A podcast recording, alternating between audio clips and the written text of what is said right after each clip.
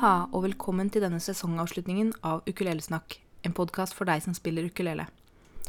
Når jeg nå sitter og spiller inn dette her, det er eh, nyttårsaften faktisk, er det ikke mange timene igjen av 2015, og derfor ønsker jeg å reflektere litt tilbake på året som har gått.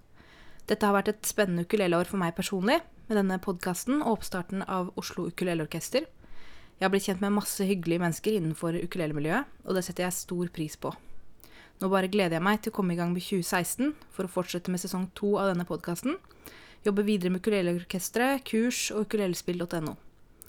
Men tilbake til 2015. Dette har vært et rikt ukuleleår, og jeg har valgt å trekke fram noen høydepunkter fra året som har gått.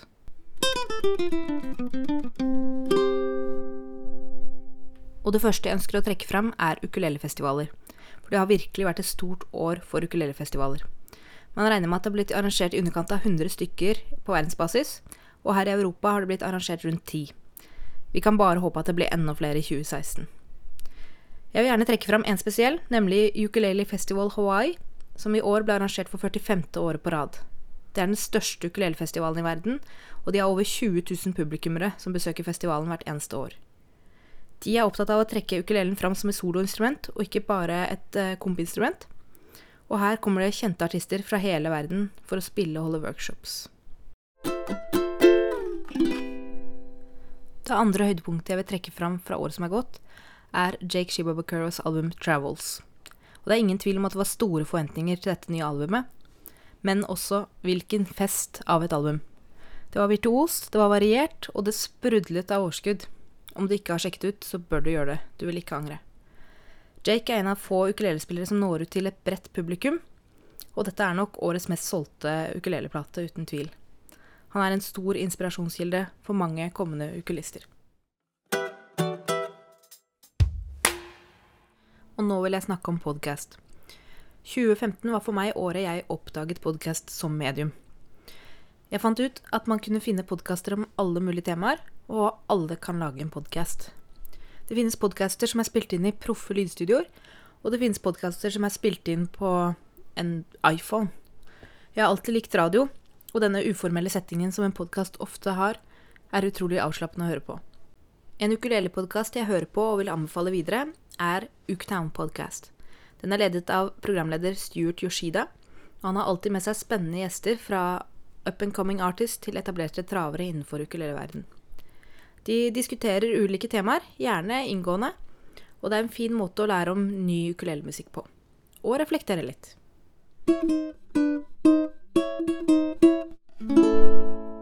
Og når vi snakker om podkast, vil jeg gjerne nevne to artister som jeg har oppdaget i år, nettopp gjennom dette her. Og den første oppdaget jeg på The Ukdown Podcast. Hun heter Zoe Bestell, og hun kommer fra Skottland og er en eh, ung og lovende singer-songwriter som bruker da ukulelen som sitt instrument. Det hun bruker mest, er baritonukulelen. Den ser man jo ikke så veldig ofte. Men den er stemt som en uh, gitar, bare at den har fire stenger, selvfølgelig. Og det gir en helt egen stemning å bruke ukulele versus en uh, gitar. Og det gir henne et veldig eget særpreg på musikken hennes og sounden sin. Og jeg vil absolutt anbefale dere å sjekke det ut, for hun er virkelig et talent.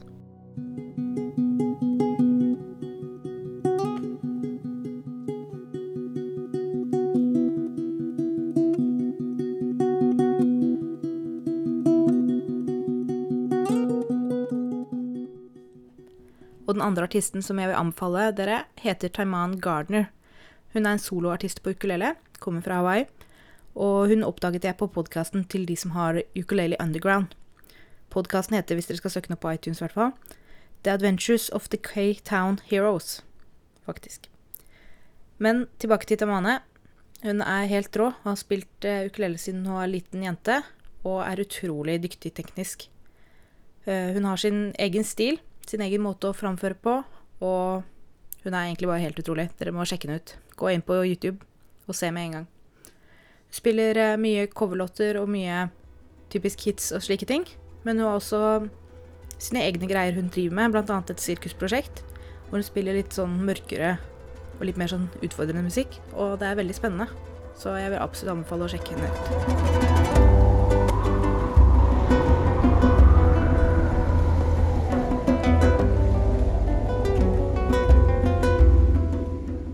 Nå som vi snakker om nye artister og nye talenter, så ønsker jeg å ta opp en trend som har kommet de siste åra, og vi ser bare blir sterkere og sterkere gjennom 2015 og kommer sikkert til å vokse enda mer i 2016 òg. Og det er fundraising. Vi har sider som Kickstarter og Patron, hvor du som artist kan presentere deg selv, presentere prosjektet ditt, og du kan få folk til å støtte deg økonomisk. Eh, det er på en måte, Hvis du har et album, så kan du på en måte selge det på forhånd. Hvis folkene har tro på albumet ditt, så gjør de det virkelig ved å støtte deg. Og dette gir en helt ny mulighet for artister til å finansiere seg selv. Det er ikke like lett å leve av platesalg lenger, med streaming og internett. Det er lettere for folk å nå fram med musikken sin, men det gjør også konkurransen hardere. Og dette er en ny, moderne måte å finansiere seg selv som artist på. Så jeg vil anbefale alle å sjekke ut Kickstarter og Patrion, og sjekke hva slags spennende prosjekt som ligger der. Og er det noe du virkelig vil se og høre, så støtt det. Det er så mange bra ukuleleartister der ute som ikke blir sett og hørt, og de ligger der bare klar til å bli oppdaget.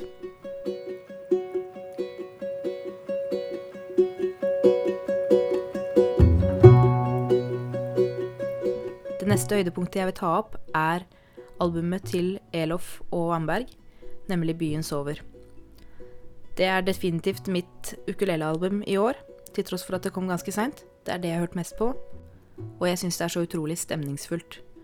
Jeg likte også det første albumet de kom med. Det kom de i 2011. Tolv syke tracks for ukulele og kontrabass.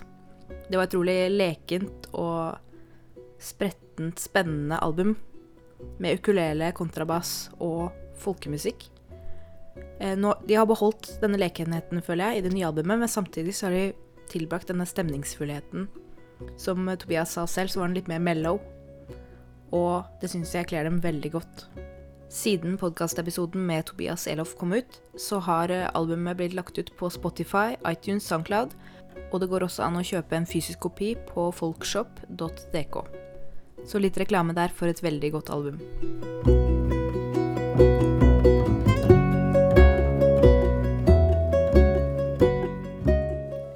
Jeg vil avslutte med årets kanskje rareste ukulelesak.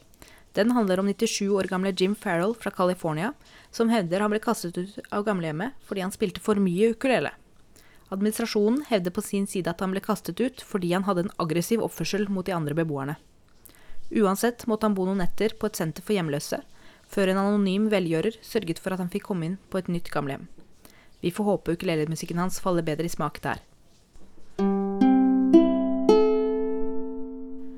Det var alt for i år og for første sesong av Ukulelesnakk. Jeg setter stor pris på tilbakemeldingene jeg får, og har du noen tips, ros eller ris, er det bare å sende meg en mail til stine at ukulelespill.no. Jeg gleder meg til å starte på en ny sesong og møte enda flere ukuleleglade folk i vårt langstrakte land. Tusen takk til deg som hører på, og godt nytt ukuleleår.